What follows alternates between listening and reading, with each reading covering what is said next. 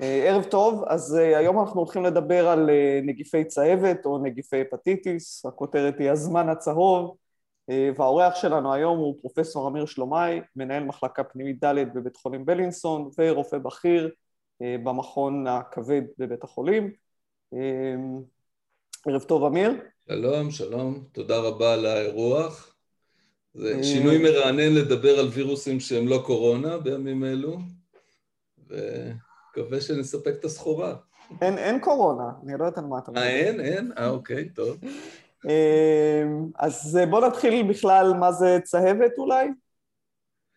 טוב, אוקיי, צהבת, צהבת הייתי אומר זה אולי השם העממי של אה, מחלה של דלקת בכבד. אה, אתם יודעים, צהבת זה ג'ון דייס בלעז. צהבת יכולה להיגרם, זה אומר בעצם שרמת הבילירובין בדם גבוהה, וזה יכול להיגרם החל מחסימה מסוימת של דרכי המרה בגלל גידולים, בגלל תהליכים אחרים, וכלה בדלקת בכבד מכל סיבה שהיא. עכשיו, וירוסים הם אחד הגורמים העיקריים באמת לדלקת בכבד, שיכולה לגרום גם לצהבת. אני הייתי אה, מעדיף את המינוח הפטיטיס או דלקת בכבד, והיום באמת אנחנו נדבר או נתמקד על דלקת בכבד שנגרמת כתוצאה מווירוסים. אה, שאלה אחד הגורמים השכיחים באמת לדלקת בכבד, שיכולה לגרום גם כאמור לצהבת. אז אה, כן. אז בואו, אין לנו המון המון זמן, אז בואו בוא נדבר איזה נגיפי צוות בעצם אה, רלוונטיים למי שחי ב, בארץ הקודש. כי הפודקאסט שלנו בעברית, אז... כן, אז, אז עוד פעם, תלוי, בואו בוא נלך, בוא נלך קצת אחורה אולי בזמן. כי, כי יש גם שינויים מבחינת הזמנים. אז uh, uh, אנחנו מחלקים את הווירוס, בעצם אנחנו מדברים על uh, הפטיטיס A, B, C, D ו-E, שהם חמש, הנגיפים, חמשת הנגיפים העיקריים שאנחנו מדברים, שהמשותף שביניהם הם שכולם תוקפים את הכבד, למרות שמבחינה וירולוגית הם שונים זה מזה, רובם נגיפי RNA, HBV הוא נגיף DNA, ובעצם הנגיפים, אני, אני אפתח ואני אקדים שכל הנגיפים האלה יש להם פוטנציאל, יש להם את היכולת לעשות דלקת אה, אקוטית בכבד, דלקת חריפה בכבד, חלקם אה, יכולים גם לגרום למחלה כרונית, שהיא בעצם הבעיה בעצם היותר אה, קשה שלנו לרוב שאנחנו מתמודדים איתה. אז בואו נחזור לשאלה שלך, מהם הנגיפים הרלוונטיים? אז בוא נגיד ככה, לפני עשרים שנה הפטיטיס A, שהוא נגיף RNA שגורם למחלה אקוטית, מחלה חריפה, היה בהחלט אה, די נפוץ, בעיקר בילדים קטנים, אה, והסיבה היא שדרך ההעברה שלו היא על ידי אה, הפרשות, מה שנקרא פקל אורל טרנסמישן, והרבה מאוד ילדים קטנים שפחות שמרו על היגיינה אה, היו נחשפים והיו יכולים להידבק, הרבה מאוד מהם היו אסימפטומטיים, ככה שבכלל לא ידענו שהם נדבקו, רק אה, בגילאים יותר מאוחרים בבדיקה סרולוגית היה אפשר לאתר את זה. נגיף הפטיטיס A אה, מזה שנים כבר בתוכנית החיסונים לילדים בגיל 18 חודש ו-24 חודש, אנחנו נותנים להם זריקות ויש חיסון יעיל שבעצם מבוסס על וירוס שהוא עבר אינאקטיבציה אה, ובעצם אה, אנחנו רואים שינוי דרמטי בעצם בהיראות של המחלה הזאת. למעשה המחלה הזאת אה, כמעט ונכחדה בישראל, בטח עם השנים האחרונות שאנחנו נהיים יותר ויותר היגייניים, פחות צפופים, חברה סוציו-אקונומית ברמה יותר גבוהה. מדי פעם אנחנו עדיין רואים, באנשים לא מחוסנים אנחנו רואים את המחלה הזאת, אבל יחסית אנחנו רואים את זה באופן נדיר.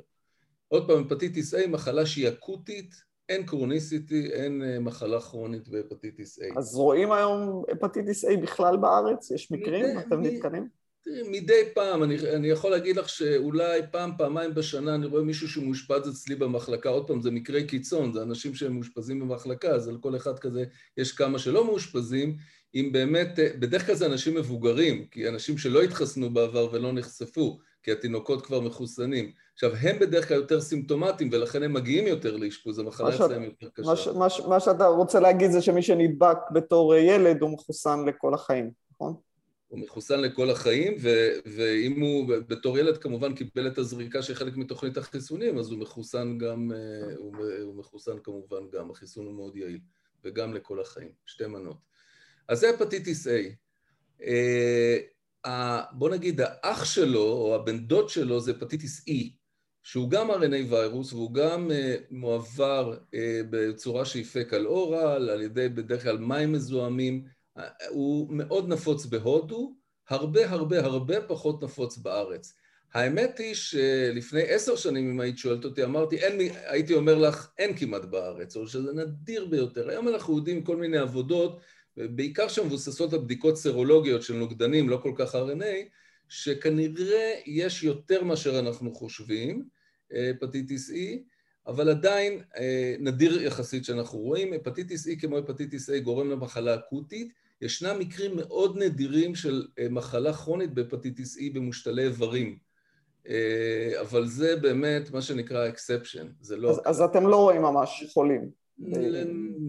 אני ראיתי בפעם האחרונה, אני יכול להגיד לפני שנתיים או שנתיים וחצי שהיה מאושפז מישהי אצלי במחלקה, אבל גם מישהי שחזרה מטיול בהודו באזור. לא אני אבל רק רגע רוצה לשאול כן. ולחזור ל-A, למרות שהיא הוא אולי באותה רובריקה. אז אם אני זוכר נכון, הפטיטיס A, המאחסן שלו זה אך ורק בני אדם. נכון? נכון? אני חושב נכון. שאין לו, הוא לא זואונוטי, הוא לא נמצא בבעלי חיים חבר אלינו. נכון. אז עצם העובדה שאתה כמעט לא רואה, אבל עדיין רואה, זה אומר שיש, אה, שהוא מתקיים במידה מועטה, אבל הוא קיים באוכלוסייה. ובמיוחד אתה אומר אצל אלה שלא מתחסנים. נכון. זה אומר שהוא כל הזמן, בשביל שנראה אותו מדי פעם, הוא כל הזמן צריך להתקיים בשקט. זה נכון.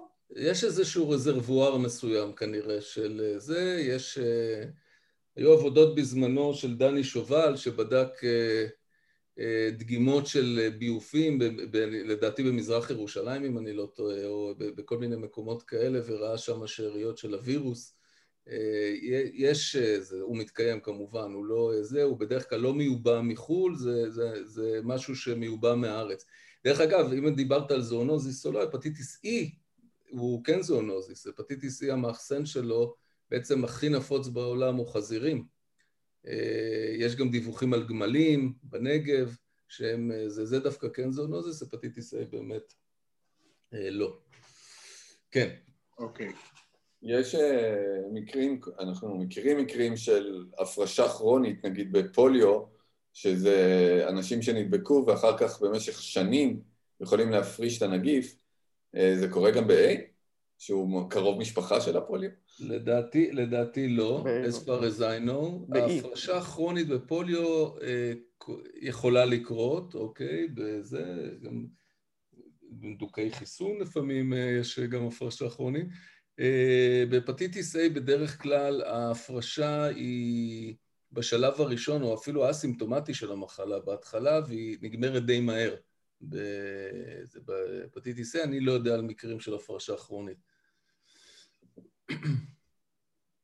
אוקיי, okay, אז uh, דיברנו על A ו-E, אנחנו נעבור לנגיפים היותר כרוניים. על הדברים הבאמת שהם יותר uh, אולי נוגעים, uh, ובאמת אנחנו מתעסקים, אותם, מתעסקים איתם הרבה כפתולוגים, כי הם האלה שגורמים, הווירוסים שגורמים למחלה כרונית והם ה-trouble makers המשמעותיים יותר.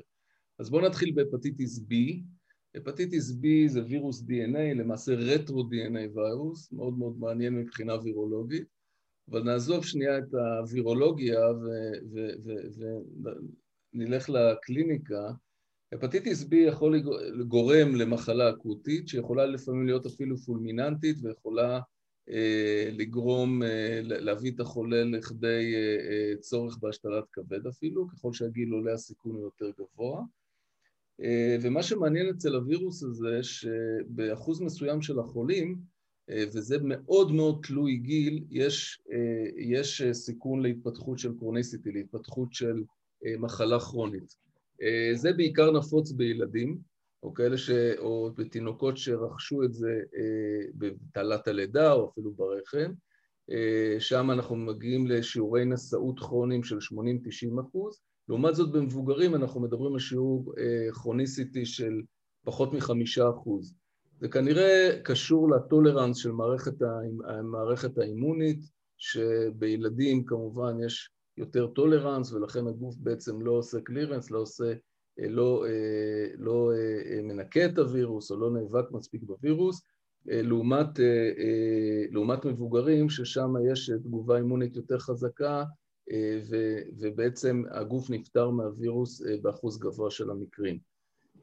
כמובן זיהום כרוני בהפטיטיס B, כמו כל זיהום כרוני בנגיף הפטיטיס, גם ב-C זה דומה, יכול לגרום לדלקת כרונית, ליצירה של fibrosis, צלקת בכבד, שחמת, ובשלבים יותר מאוחרים גם להתפתחות של סרטן הכבד, hepatocellular carcinoma, סרטן קטלני, מאוד מאוד מאתגר מבחינת האבחון והטיפול שלו. רגע, רגע, בוא, בוא, בוא, בוא לא נלחיץ את ה... לא כל מי שנדבק בהפטיטיס B יפתח מחלה כרונית, ולא כל מי שיפתח מחלה כרונית גם יגיע לשלבים האלה שדיברנו עליהם, השחמת נכון. והדלקת. זה נכון, זה נכון. יש אחוז מסוים ש, שזה נגרם אצלהם, אנחנו לא לגמרי מבינים, זה מאוד תלוי בתגובה של, של הגוף לווירוס. יש אנשים שאצלהם המחלה היא יותר פרוגרסיבית, הדלקת אצלהם יותר משמעותית, ההתקדמות אצלהם למחלת כבד יותר משמעותית היא, היא יותר, יותר מהירה. ויש אנשים שאיך אנחנו אומרים, חיים בשלום עם הווירוס, כלומר אצלהם הרפליקציה יחסית נמוכה, כלומר מדידת ה-DNA בדם היא יחסית נמוכה, הם שומרים על איכשהו, מערכת החיסון שלהם שומרת על הווירוס על אש נמוכה מה שנקרא, והם הרבה פעמים גם לא צריכים טיפול דרך אגב, אנחנו עוקבים אחריהם, אנחנו עוקבים אחרי אנזימי הכבד שלהם, אחרי מצב הכבד שלהם, אחרי רמת הרפליקציה של הווירוס, וזה מעקב בלבד. לא כולם צריכים טיפול בהפטיטיס B. האם, האם יש טיפול? אז בהפטיטיס B יש טיפול, אנחנו נדבר בהמשך על הפטיטיס C, שזה אולי גולת הכותרת, הטיפול לעומת הפטיטיס B, לעומת הפטיטיס C, הטיפול בהפטיטיס B הוא טיפול מאוד מאוד יעיל בעצירת או בהנמכה מאוד משמעותית של הרפליקציה של הווירוס, אבל זה לא טיפול מרפא. זאת אומרת, אנחנו לא מדברים למעשה במישהו שהוא נשא כרוני, אנחנו לא, המושג אה, הוא לא, הוא לא אה, שגור על, על שפתנו, בוא נגיד ככה, אנחנו לא אומרים קיור, אנחנו אומרים מקסימום פונקשיונל קיור, מה שנקרא, או כל מיני ביטויים שזה כי למעשה זה, זה בדיוק ההבדל בין וירוס DNA לווירוס RNA. ההצהרה הגדולה עם וירוס DNA כמו הפטיטיס B, שחלקו כמובן עובר אינטגרציה לגנום, שזה צרה בפני עצמה. שאלה גדולה האם החלקים האינטגרטיביים בגנום יכולים ליצור וירוסים אינפקטיביים, אבל זה נעזוב כרגע, אבל גם הווירוס האפיזומלי, כלומר ה-DNA שנמצא מחוץ לכרומוזום, גם הוא נמצא בתאים מאוד מאוד קשה לגוף להיפטר ממנו. אם ניקח בחשבון שתאי הכבד מתחלקים מאוד מאוד באיטיות, אחת למספר חודשים, אפילו לפעמים אחד לשנה או משהו כזה, אז למעשה אנחנו נמצא שהגוף, הכבד מאוד מאוד מתקשה למהול את ה-DNA הזה. וכל עוד אפילו חתיכה קטנה של DNA נמצאת איפשהו, בתא אחד אפילו, תאורטית, של הכבד, יש פוטנציאל כמובן של הווירוס לעשות ויריונים רבים ולהתרבות ובתנאים מסוימים. איפה אנחנו רואים את זה, למשל הקלאסי? אנחנו רואים את זה בחולים, או שהם נשאים כרוניים שקטים, אבל כשהם מזדקנים, מערכת החיסון נחלשת, או לחילופין שמקבלים טיפולים כימותרפיים, אז אנחנו רואים, לפעמים אם אנחנו לא נותנים טיפול מונע, ולכן מאוד מאוד חשוב לעלות על החולים האלה ולזהות מראש שהם נשאים של הפטיטיס B, אם אנחנו לא נותנים טיפול מונע, הם עלולים לעשות מה שנקרא ריאקטיבציה, עם, שיכולה להיות סוערת מאוד, עד כדי אפילו קטלנית. אז, אז, אז אולי בכל אופן, אם אתה יכול להזכיר בקצרה מה כן הטיפול שהוא לא cure, אבל שהוא management של המחלה, של האינפקציה? אז, אז בעצם ב-B, אז הטיפול, אז הטיפול הוא בעצם ב-95% מהחולים שאנחנו מחליטים לטפל בהם, ואני לא אכנס כרגע לקריטריונים במי אנחנו מטפלים ומי לא, אבל בגדול בכאלה יש להם דלקת יותר משמעותית או רפליקציה יותר משמעותית, אנחנו מטפלים ב nucleoside או nucleotide analogs, כלומר אנלוגים נוקלאוטידיים, שלמעשה מעכבים את הפולימרז של הווירוס, שהפולימרז של הווירוס... אנחנו צריכים להסביר את זה במילים קצת יותר... אה, החלבון שמשכפל את ה... במילים פשוטות אני אגיד, זה החלבון שמשכפל את הווירוס, הוא בעצם מעתיק מה-RNA, הוא הופך אותו ל-DNA, ואחרי זה הופך את הסליל השני של ה-DNA, זה מה שנקרא, זה קצת דומה ל-HIV מהבחינה הזאת. אה, ובעצם הנוקלאוטידים האלה הם נוקלאוטידים שמאוד מאוד דומים לנוקלאוטידים בגוף, הם קצת שונים במבנה, וברגע שהם נכנסים למכונה הזאת... אני, אני עוד פעם אעצור אותך ואני אסביר שנייה מה זה נוקלאוטידים, אני מתנצלת, זה בעצם האבני בניין של החומר הגנטי שלנו, ה-DNA או ה-RNA, והתרופות בעצם הם... מדמות אותם ובעצם אה, עוצרות את התהליך הזה של השכפול של הנגיף. של השכפול צריך להגיד שיש להם אה, איזושהי זיקה יותר גבוהה לאותו פולימרז נגיפי ופחות נכון. לתאים, ולכן התאים בגוף פחות נפגעים מזה והנגיף הוא הנפגע. והנגיף הוא אה, נפגע מזה. התרופות האלה הן מאוד מאוד יעילות באמת בחסימה של הרפליקציה של הנגיף, כלומר בשכפול שלו, אבל עוד פעם, כמו שאמרתי, הן לא מעלימות את ה-DNA עצמו, ולכן פה, פה הבעיה שלנו. יש אחוז קטן של החולים שאנחנו מטפלים בהם בתרופה שנקראת אינטרפרון, שהיא תרופה אנטי-ויראלית מאוד מאוד ידועה. אה, היא לא ספציפית להפטיטיס B, כלומר, יש לה תכונות אנטי-ויראליות. אה, בערך ב-2 עד 5 אחוז מהחולים אנחנו מעדיפים לטפל בתרופה הזאת, אבל אני לא אכנס כרגע אה, למי ולמה ומדוע, אבל... אה, אבל היא יכולה להיות עם אה, תופעות לוואי, נכון? היא, היא קצת... היא כמובן בגלל, כתרופה לא ספציפית, יש בה המון המון תופעות לוואי, כל מיני תופעות דמויות שפעת, משפיעה על הרבה מאוד איברים בגוף, על תרופה די ידועה לשמצה מבחינת התופעות הלוואי שלה. כן. גם לאנלוגים הנוקלאוטידיים יש, יש איתם בעיה, נכון? הנגיף עושה מוטציות ומתגבר עליהם? אז, אז, היום, אז היום זה כבר לא. אה, כלומר, בדור הראשון, התרופה הראשונה שנקראה לה מיבודין, שאי שם בשנות האלפיים, תחילת שנות האלפיים אה, הוכנסה לשוק, אני חושב ב-98 אם אני לא טועה, אז uh, באמת היו אז uh, הרבה מאוד הווירוס, כמו כל וירוס, גורם למוטציות ועושה uh, תנגודת לתרופות. אז באמת אחרי חמש שנים ב-70% מהחולים אה, ראינו תנגודת, וזו הצהרה צרורה כמובן, כי אני מזכיר שהחולים האלה צריכים לקבל את התרופה הזאת הרבה פעמים לכל החיים, כן? אז חמש שנים זה לא הרבה. אה, אבל בדור המתקדם, זה הדור השלישי של התרופות, שתרופות באמת מתקדמות, הפרופיל, פרופיל התנגודת שלהם הוא מאוד, הוא מצוין. למעשה, ב, יש לנו כבר ניסיון איתם של כמעט עשר שנים של רוב התרופות האלה, ואחוז התנגודת הוא כמעט אפס. אז ככה שיש לנו פה פתרון לא רע בלהנמיך את הזה. אין עדיין קיור, אני מזכיר, הם מחפשים, חברות תרופות ככה מאוד מאוד מתעניינות בזה, אולי למצוא איזושהי תרופה שתעלים, כמו הפטיטיס C, שעוד מעט נדבר על זה, אני מאמין, אה, אבל שתעלים את הווירוס, אבל אה, so far אה, אין לנו תרופה שבאמת עושה ריפוי של הווירוס.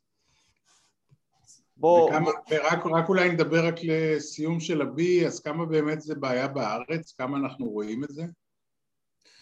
אז uh, אנחנו רואים את זה, יש uh, אחוזים, זה עוד פעם תלוי באוכלוסיות, uh, עוד פעם, B נרכש או מאימא לתינוק, אוקיי, שזה דרך נפוצה, או על ידי דם ומוצריו, כן, או יחסי מין לא מוגנים באנשים שהם לא מחוסנים.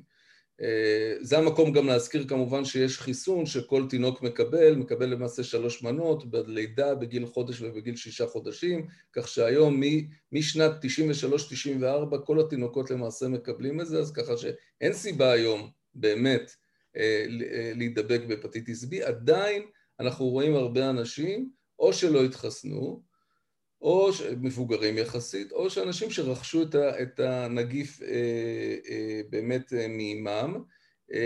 אנחנו מעריכים באוכלוסיות מסוימות, זה יכול להגיע גם לחמישה אחוז, נשאות אבל עוד פעם, יחסית, אנחנו נחשבים לאזור שהוא, ישראל לאזור שהוא intermediate מבחינת, מבחינת הנפיצות של הווירוס. intermediate אפילו לכיוון ה low, לכיוון הנמוך. אזורים כמו סין... אני חושב שבסין, נכון, ובמזרח יש הרבה... סין והמזרח, אה, כמובן מזרח אסיה, אה, סין, זה אזורים ששם יש כפרים שלמים שקשה למצוא אנשים ללא הפטיטיס B. אז אה, זה כקונטרסט, זה פה יחסית זה נמוך, אבל עדיין אנחנו רואים, יש לי מרפאה מלאה. ב... חשוב לציין, אם מדברים על החיסון, שזה חיסון חלקיקי, שמורכב רק מחלבון אחד של הנגיף, בלי חומר גנטי של הנגיף בכלל, ולכן הוא יחסית מאוד מאוד בטוח לשימוש. ואפשר נכון. לתת זה בגיל אפס. נכון.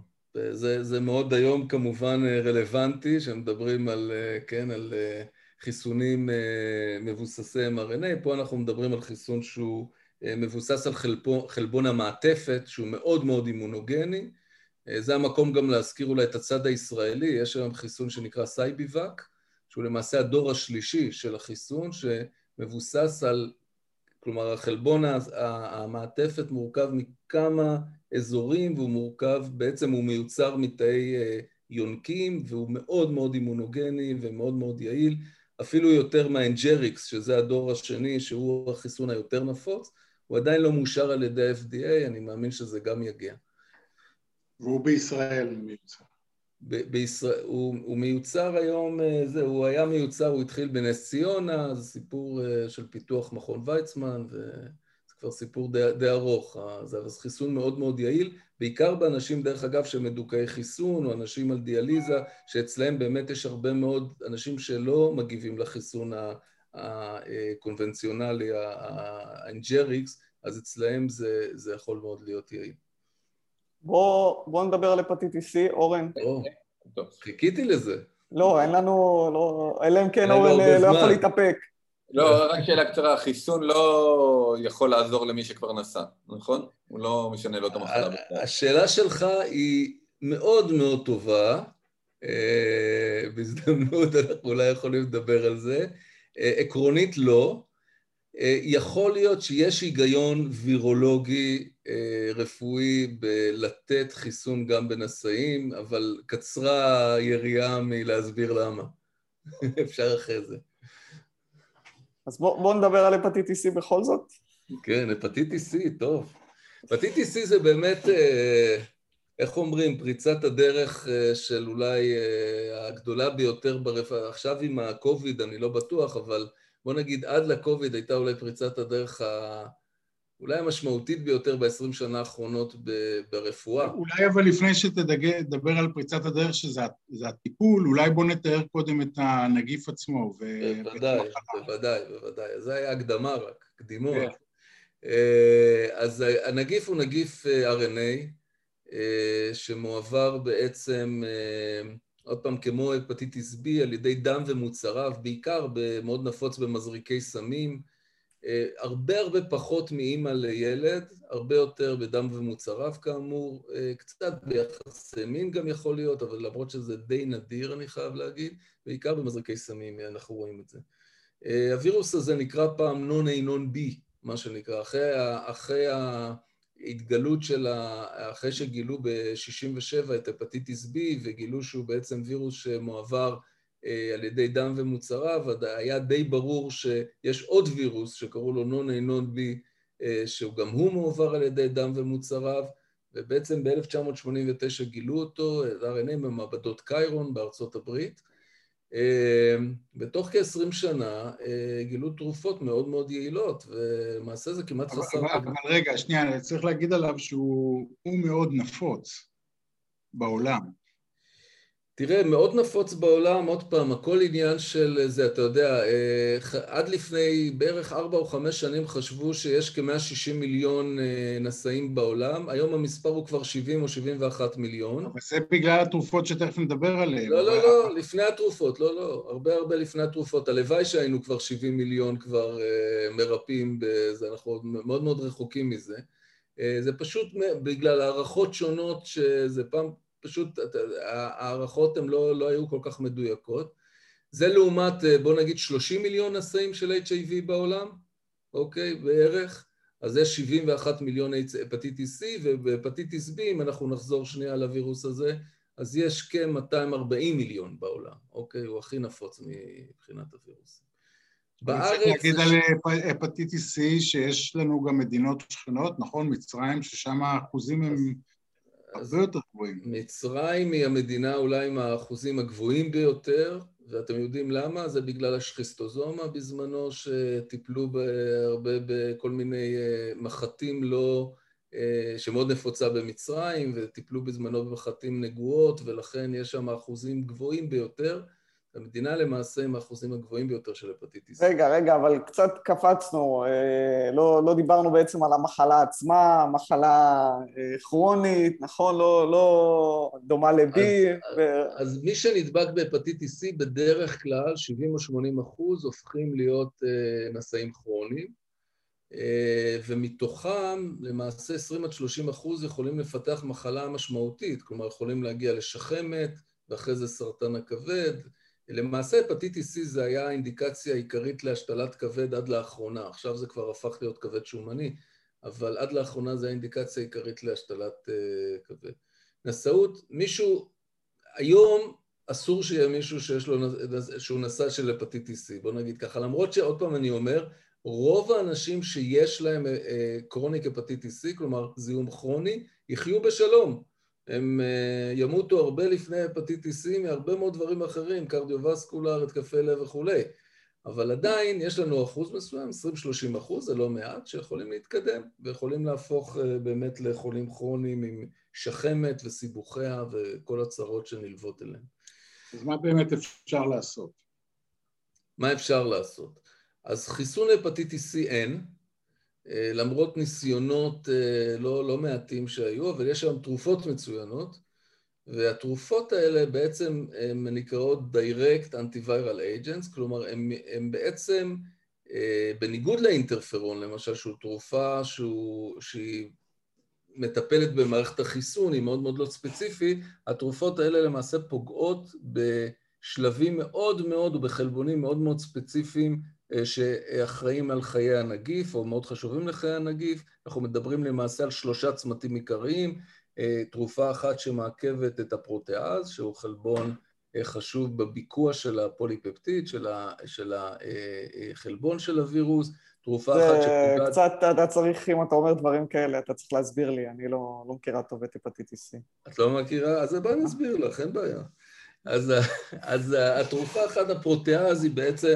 הפרוטאז הוא, אה, הוא אחד מהחלבונים בוא, בוא, בוא אני, אני אנסה להסביר ואתה תגיד, לי, אתה תגיד לי אם אני מצליחה או לא, בסדר? אוקיי. אז בניגוד, אנחנו מכירים קורונה למשל, שמענו על חלבון ה-S ועל חל, חלבון שמשכפל אותו ועל כל מיני חלבונים אחרים, אז הפטיטיס C הוא כשהוא נוצר, אחרי, אחרי שהוא משתכפל נוצר מהחומר הגנטי של החלבון והחלבון הזה נוצר כחלבון אחד ארוך שלווירוס יש אה, חלבון נוסף מיוחד שחותך את החלבון הזה לחלקים הפעילים אה, של הנגיף, ולשלב הזה של החיתוך יש לנו מעכב ספציפי שתופס בדיוק את החלבון הזה שעושה את החיתוכים האלה ומונע בעצם את התהליך הזה. ולכן, ולכן הוא משאיר אותו בצורה של חלבון לא פעיל, זה צריך להוסיף. נכון. חן חן. אז זה, אז זה באמת, אז זה באמת, אה, זה באמת אה, אה, מטרה אחת, או חלבון אחד שאפשר לתקוף. חלבון אחר זה החלבון שהוא הפולימרז, שהוא בעצם משכפל את הווירוס, שהוא חלבון, וחלבון דומה שני... למה שהסברנו בהפטיטיס B. זה דומה, למרות שעוד פעם הפעילות שלו היא קצת שונה. ו...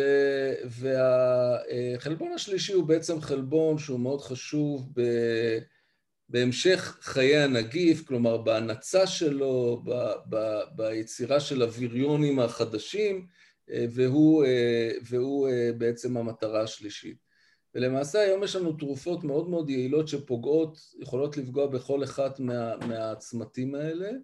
למעשה התרופות, בעצם אנחנו נותנים היום קומבינציה, איזשהו שילוב של שתיים או שלוש תרופות, עוד פעם, אחת המטרות היא כמובן שייווצר, הסיכוי לתנגודת אה, תהיה יותר, שהווירוס אה, ייצר איזושהי מוטציה יורדת כמובן ברגע שפוגעים בכמה מטרות, ובטיפול קצר שנע בין 8 ל-12 שבועות אנחנו משיגים היום בעצם ריפוי, מה שנקרא בשפה המקצועית Sustain Virological Response, או בעצם היעלמות הווירוס מהדם וגם מהכבד. באחוזים מאוד מאוד גבוהים, אנחנו מדברים היום על מעל 95 אחוז במרבית החולים, כולל חולים שהם חולים שכבר יש להם אה, מחלת כבד מתקדמת. וזה אני חושב נקודה מאוד מאוד חשובה, כלומר, כי גם בחולים עם מחלת כבד מתקדמת הם יכולים, מה שנקרא, ללכת אחורה, כלומר, הם יכולים להשתפר מבחינת מחלת הכבד שלהם בצורה משמעותית. יש אנשים שעברו כבר את נקודת האל-חזור והם יצטרכו השתלה, אבל יש הרבה חולים שחולים, המחלה שלהם נעצרת, והסיכוי שלהם לפתח סרטן הכבד יורד פלאים. כלומר, יש פה באמת אה, הישג אדיר מהבחינה הזאת.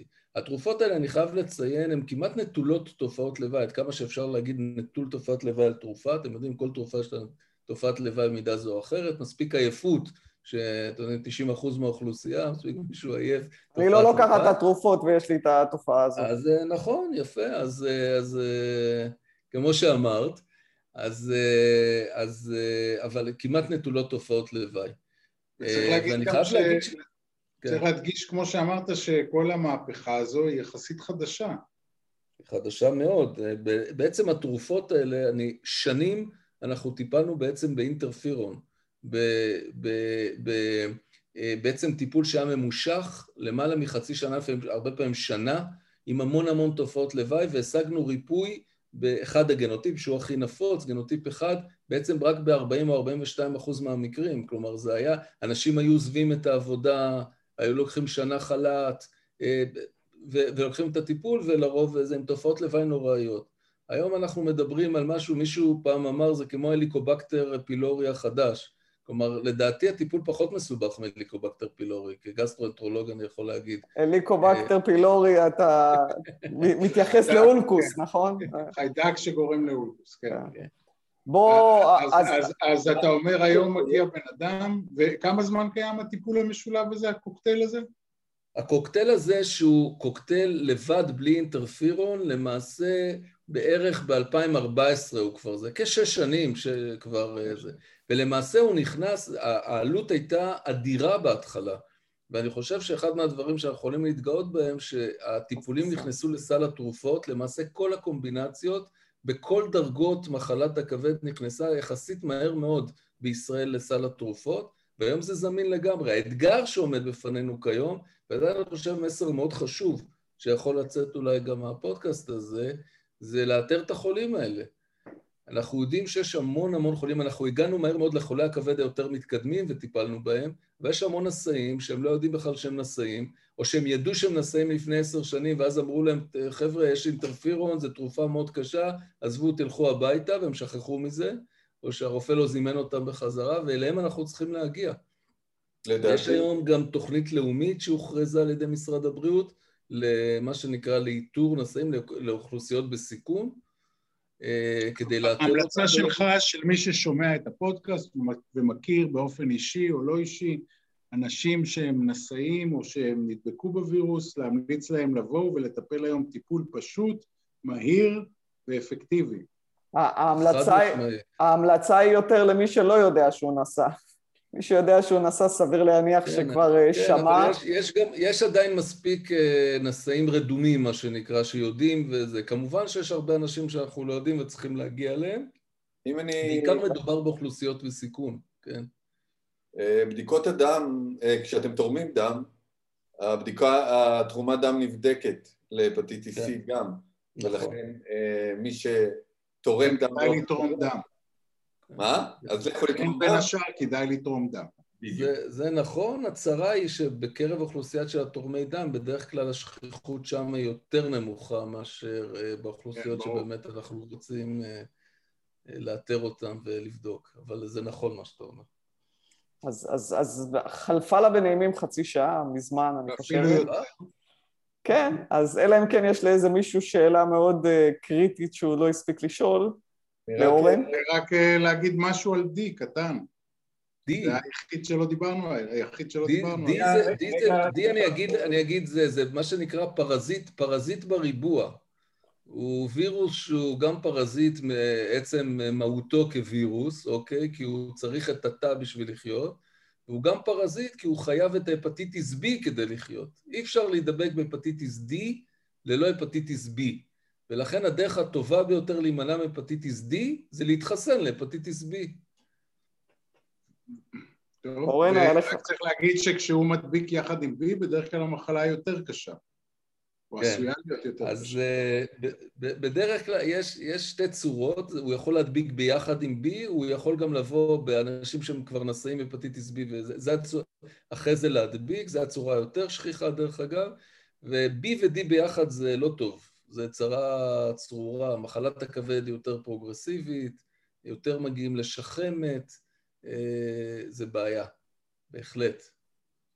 אבל כשאתה, כשאתה מעכב את B עם התרופות שהמעכבות שלך, אתה גם בעצם מעכב את D. לא. לא. אה, לא, כי, לא בגלל שבעצם ה-D צריך את המעטפת של הווירוס, והמעטפת יכולה כן. להיות מופרשת גם אם אתה מטפל יפה מאוד ואין רפליקציה. אה, ל-D יש תרופות אחרות, שגם אינטרפירון בעיקר, שהיעילות שלהם היא, היא מאוד מאוד מוגבלת. D זה, זה, זה באמת צורך אה, שלא, שעדיין לא קיבל עדיין תשובה. עדיין לא מצאו פתרון. עדיין לא מצאו פתרון. חלק מזה, כי גם הוא לא כל כך נפוץ, הוא נפוץ במקומות מסוימים שאתם יודעים, זה עניין גם של יחסי ה-public relation שלו, אולי לא מה... בישראל הוא לא מהווה מאוד בעיה גדולה? הוא די, די נדיר, הייתי אומר. אה, רואים, אבל בוא נגיד במרפאת כבד גדולה, אה, כמו בבלינסון, אז יש 30-40 חולים פעילים, כן? זה הסדר אוקיי. גודל. ערן, אורן אה, רצה להשחיל איזה שאלה בין השאלות שלך קודם. לא, רק רציתי להגיד בנושא C, שהשנה פרס נובל הלך לשלושה חוקרי הנגיף, על ההתקדמות האדירה שבאמת קרתה בשנים נכון, האלה. נכון, ובצדק רב, אחד החוקרים האלה, אפילו אני מכיר אותו טוב, אה, באמת נתנו את זה לשלושה חוקרים, אה, בעצם זה היה מאוד יפה, אחד, אחד מהם זה זה שבעצם גילה, היה ראש הצוות שגילה בקיירון, אחד מהם בעצם צ'רלי רייס, שהוא בעצם היה אולי פורץ הדרך מהבחינה המדעית, אה, לייצר את, ה, אה, את אה, תרבית התאים הרלוונטית כדי לנסות עליה את התרופות, והשלישי הוא ארווי אלתר, שלמעשה הוא מ-NIH, הוא מבנק הדם שם בעצם היה, שהוא אחד מהראשונים שעלה על זה, שיש משהו שהוא איזה וירוס שמועבר על ידי עירויי דם, והוא לא A ולא B, אז אני, אני חושב שזה... אני חושבת שפרס נובל זה נקודה טובה לסיים את הפרק של היום. לגמרי. ותודה רבה, אמיר. תודה, תודה רבה לכולם.